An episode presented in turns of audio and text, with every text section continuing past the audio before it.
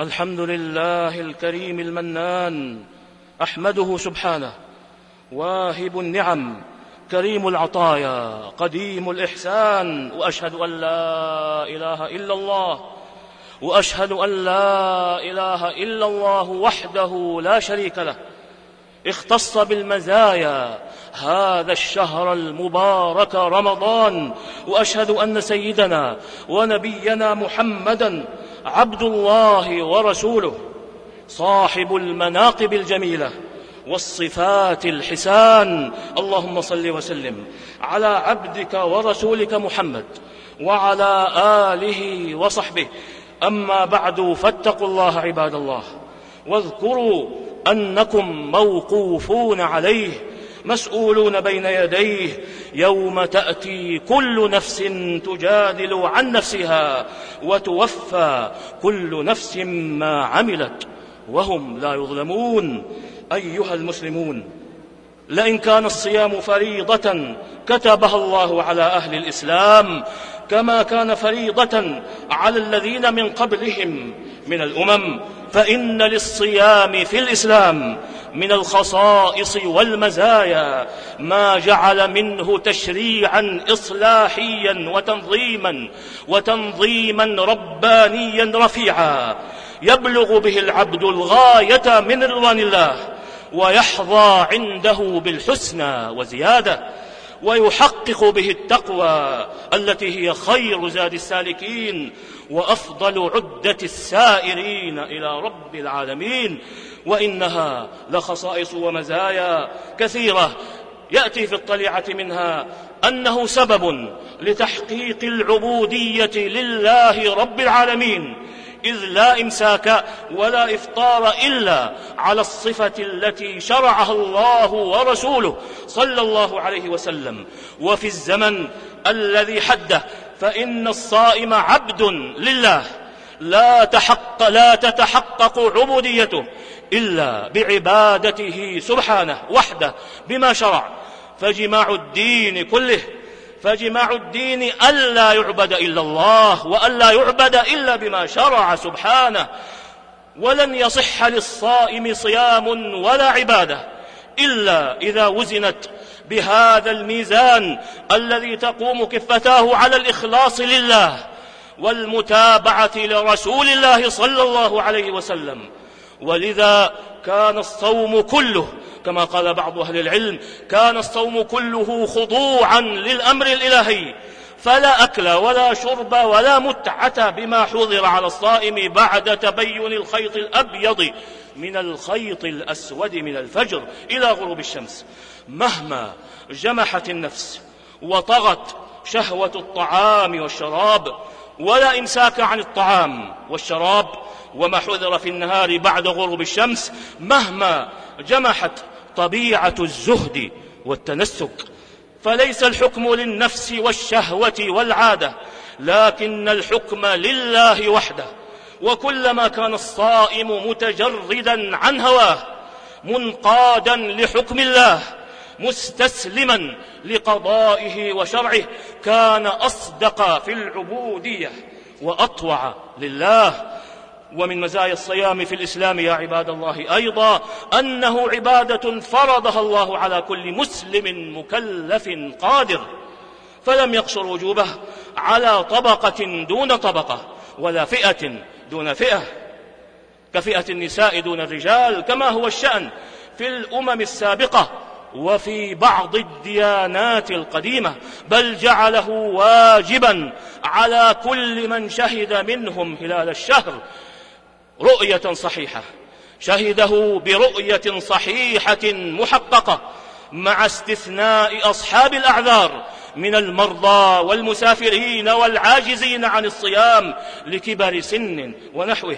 شهر رمضان الذي أنزل فيه القرآن هدى هدى للناس وبينات من الهدى والفرقان. فمن شهد منكم الشهر فليصمه ومن كان مريضا أو على سفر فعدة من أيام أخر. ومن, مزاه ومن مزاياه أيضا أنه سد ذرائع التعمق التي تذرع بها التي تذرع بها العرب في الجاهلية وبعض من سبقنا من الأمم فشرع ما لم يأذن به الله بالزيادة فيه نوعا أو عددا ظنا منه بأنه قربة وزلفى إلى الله فأحدث وابتدع.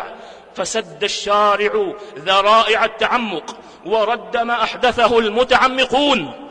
حين نهى عن صوم يوم الشك ويوم الفطر وحين رغب رسول الله صلى الله عليه وسلم في تعجيل الفطر وتأخير السحور وحث عليه كما جاء في الحديث الذي أخرجه الشيخان في صحيحيهما عن سهل بن سعد رضي الله عنه أن رسول الله صلى الله عليه وسلم قال لا يزال الناس بخير ما عجلوا الفطر. وسد ذرائع التعمق أيضا حين نهى عن الوصال وهو استمرار الصائم في صومه فلا يفطر اليومين أو الأيام. فجاء في الحديث الذي أخرجه شيخان في صحيحيهما عن أبي هريرة رضي الله عنه أنه قال نهى رسول الله صلى الله عليه وسلم عن الوصال. الحديث وفيه أنهم لما أبوا أن ينتهوا عن الوصال واصل بهم صلى الله عليه وسلم يوما ثم يوما حتى ثم رأوا الهلال فقال لو تأخر الهلال لزدتكم كالمنكل لهم حين أبوا أن ينتهوا. غير أنه صلى الله عليه وسلم جعل لمن أراد الصيام لمن أراد الوصال حدا لا يجوز له تجاوزه. لا يجوز له تجاوزه وهو أن يواصل إلى السحر. كما جاء في الحديث الذي أخرجه البخاري في صحيحه عن أبي سعيد الخدري رضي الله عنه أن رسول الله صلى الله عليه وسلم قال لا تواصلوا لا تواصلوا فأيكم أراد أن يواصل فليواصل إلى السحر. وهو كما, كما قال الإمام ابن القيم أعدل الوصال وأسهله على الصائم وهو في الحقيقة تأخر عشائه. أحل لكم ليلة الصيام وحين أباح وحين أباح للصائم ليلة الصيام الرفث إلى النساء. وسد ذرائع التعمق أيضا حين أباح للصائم. ليلة الصيام الرفث إلى النساء والأكل والشرب وجميع ما حذر عليه بالصيام. أحل لكم ليلة الصيام الرفث إلى نسائكم. هن لباس لكم وأنتم لباس وأنتم لباس لهن. علم الله أنكم كنتم تختانون أنفسكم. فتاب عليكم وعفى عنكم. فالآن باشروهن. فالآن باشروهن وابتغوا ما كتب الله لكم. وكلوا واشربوا حتى يتبين لكم الخيط الأبيض من الخيط الأسود. الأسود من الفجر ثم أتم الصيام إلى الليل. ومن مزايا الصيام في الإسلام يا عباد الله أيضا أنه ليس رمزا للحداد أو شعارا للحزن أو مذكرا بالمصائب والرزايا كما هو الحال في ديانات بعض الأمم السابقة. بل هو عبادة وطاعة وقربى وسبب تفاؤل واستبشار وباعث فرح وسرور. بفضل الله وبرحمته وكريم جزائه وحسن ثوابه لمن صام إيمانا واحتسابا. كما جاء في الحديث كل عمل ابن آدم يضاعف الحسنة بعشر أمثالها إلى سبعمائة ضعف. قال الله تعالى إلا الصوم فإنه لي وأنا أجزي به. يدع شهوته وطعامه من أجلي للصائم فرحتان للصائم فرحتان فرحة عند فطره وفرحة عند لقاء ربه. الحديث أخرجه البخاري في صحيحه. وفي الصحيحين عن سهل بن سعد رضي الله عنه عن النبي صلى الله عليه وسلم أنه قال إن في الجنة بابا يقال له الريان يدخل منه الصائمون يوم القيامة لا يدخل منه أحد غيرهم فإذا دخلوا أغلق. فلم يدخل منه أحد. أخرجه الشيخان في صحيحيهما والنسائي والترمذي وزاد ومن دخله لم يظمأ أبدا. وفي صحيح البخاري أيضا عن أبي هريرة رضي الله عنه رفعه من صام رمضان إيمانا واحتسابا غفر له ما تقدم من ذنبه.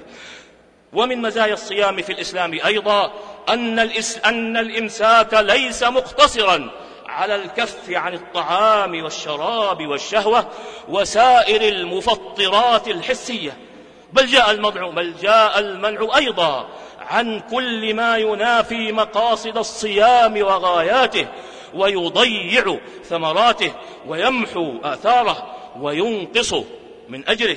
كما جاء في الحديث إذا كان يوم, أح يوم إذا كان يوم صوم أحدكم فلا يرفث فلا يرفث. ولا يصخب.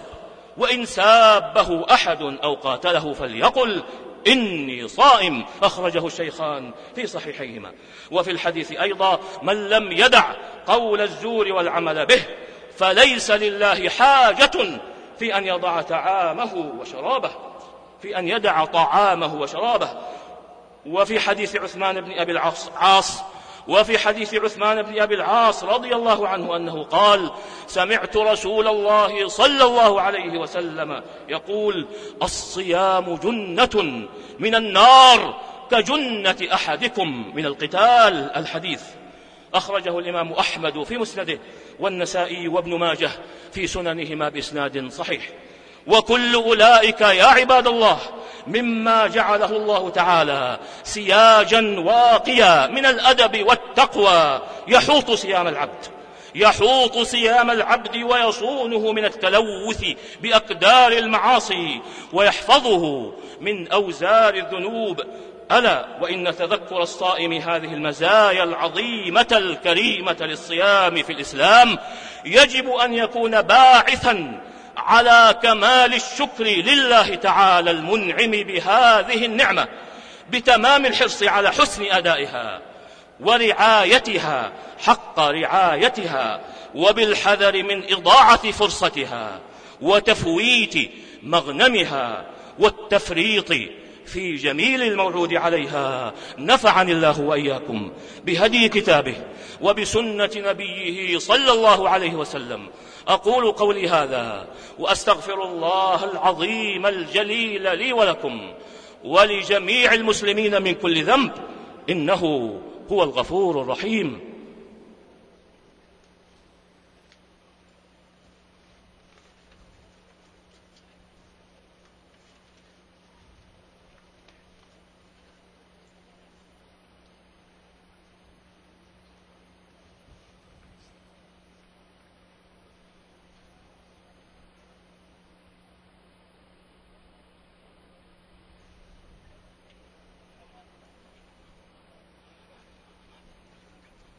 الحمد لله الكريم الرحيم أحمده سبحانه حمدا نرجو به الفضل السابغ والخير العميم وأشهد أن لا إله إلا الله وحده لا شريك له.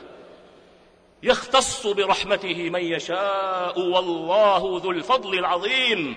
وأشهد أن سيدنا ونبينا محمدا عبد الله ورسوله.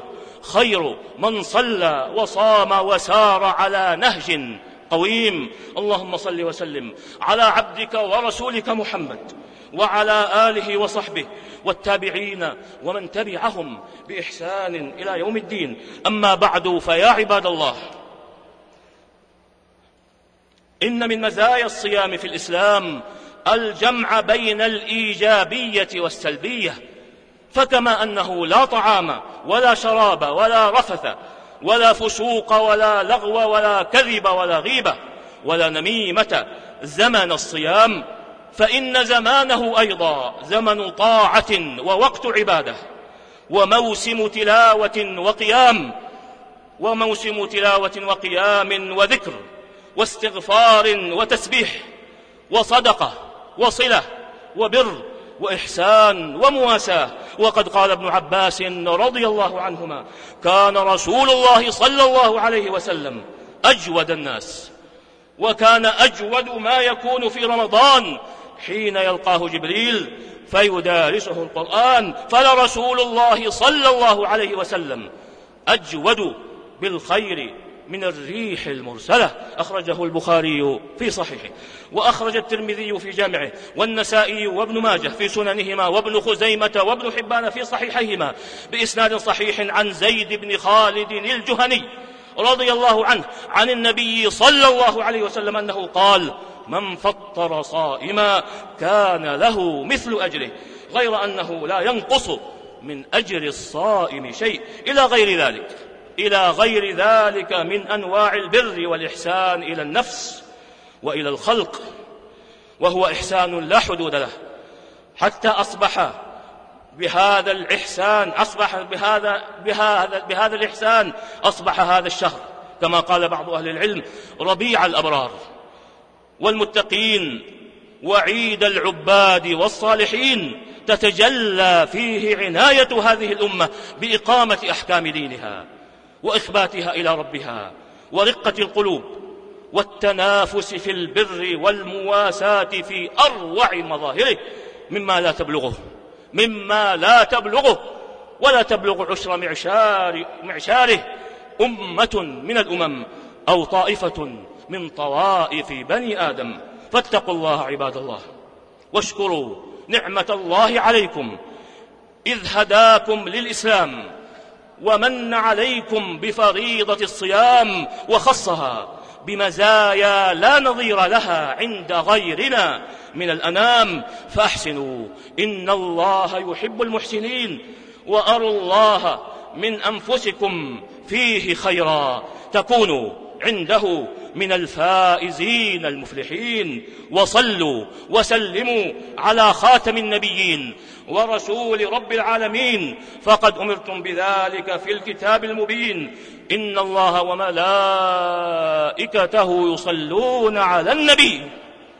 يا أيها الذين آمنوا صلوا عليه وسلموا تسليما. اللهم صل وسلم على عبدك ورسولك محمد. وارض اللهم عن خلفائه الأربعة أبي بكر وعمر وعثمان وعلي وعن سائر الآل والصحابة والتابعين ومن تبعهم بإحسان إلى يوم الدين وعنا معهم بعفوك وكرمك وإحسانك يا خير من تجاوز وعفا. اللهم أعز الإسلام والمسلمين. اللهم أعز الإسلام والمسلمين. اللهم أعز الإسلام والمسلمين. واحم حوزة الدين. ودمر أعداء الدين وسائر الطغاة والمفسدين. وألف بين قلوب المسلمين. ووحد صفوفهم وأصلح قادتهم واجمع كلمتهم على الحق يا رب العالمين. اللهم انصر دينك وكتابك وسنة نبيك محمد صلى الله عليه وسلم وعبادك المؤمنين المجاهدين الصادقين. اللهم آمنا في أوطاننا وأصلح أئمتنا وولاة أمورنا وأيد بالحق إمامنا وولي أمرنا وهيئ له البطانة الصالحة ووفقه لما تحب وترضى. يا سميع الدعاء اللهم وفقه وولي عهده وإخوانه إلى ما فيه خير الإسلام والمسلمين وإلى ما فيه صلاح العباد والبلاد. يا من إليه المرجع يوم المعاد. اللهم أحسن عاقبتنا في الأمور كلها وأجرنا من خزي الدنيا وعذاب الآخرة. اللهم أصلح لنا ديننا الذي هو عصمة أمرنا. وأصلح لنا دنيانا التي فيها معاشنا وأصلح لنا آخرتنا التي إليها معادنا واجعل الحياة زيادة لنا في كل خير والموت راحة لنا من كل شر. اللهم إنا نعوذ بك من زوال نعمتك وتحول عافيتك وفجاءة نقمتك وجميع سخطك. اللهم تقبل منا الصيام والقيام اللهم اجعله صياما إيمانا واحتسابا. اللهم اجعلنا ممن يصوم هذا الشهر إيمانا واحتسابا يا رب العالمين. اللهم احفظ المسلمين في كل مكان. اللهم احفظ المسلمين في سوريا. اللهم كلهم. اللهم كلهم. اللهم ارحم ضعفهم. واجبر كسرهم. وارحم موتاهم. واكتب لهم أجر الشهادة في سبيلك. اللهم اشف مرضاهم. واكس عاريهم. وأطعم جائعهم وفك أسرى, أسرى وفك قيد أسراهم. اللهم احفظ المسلمين في كل مكان وانصرهم على عدوك وعدوهم يا رب العالمين. ربنا ظلمنا أنفسنا وإن لم تغفر لنا وترحمنا لنكونن من الخاسرين. ربنا آتنا في الدنيا حسنة وفي الآخرة حسنة وقنا عذاب النار. وصلى الله وسلم. على عبده ورسوله نبينا محمد وعلى آله وصحبه أجمعين والحمد لله رب العالمين.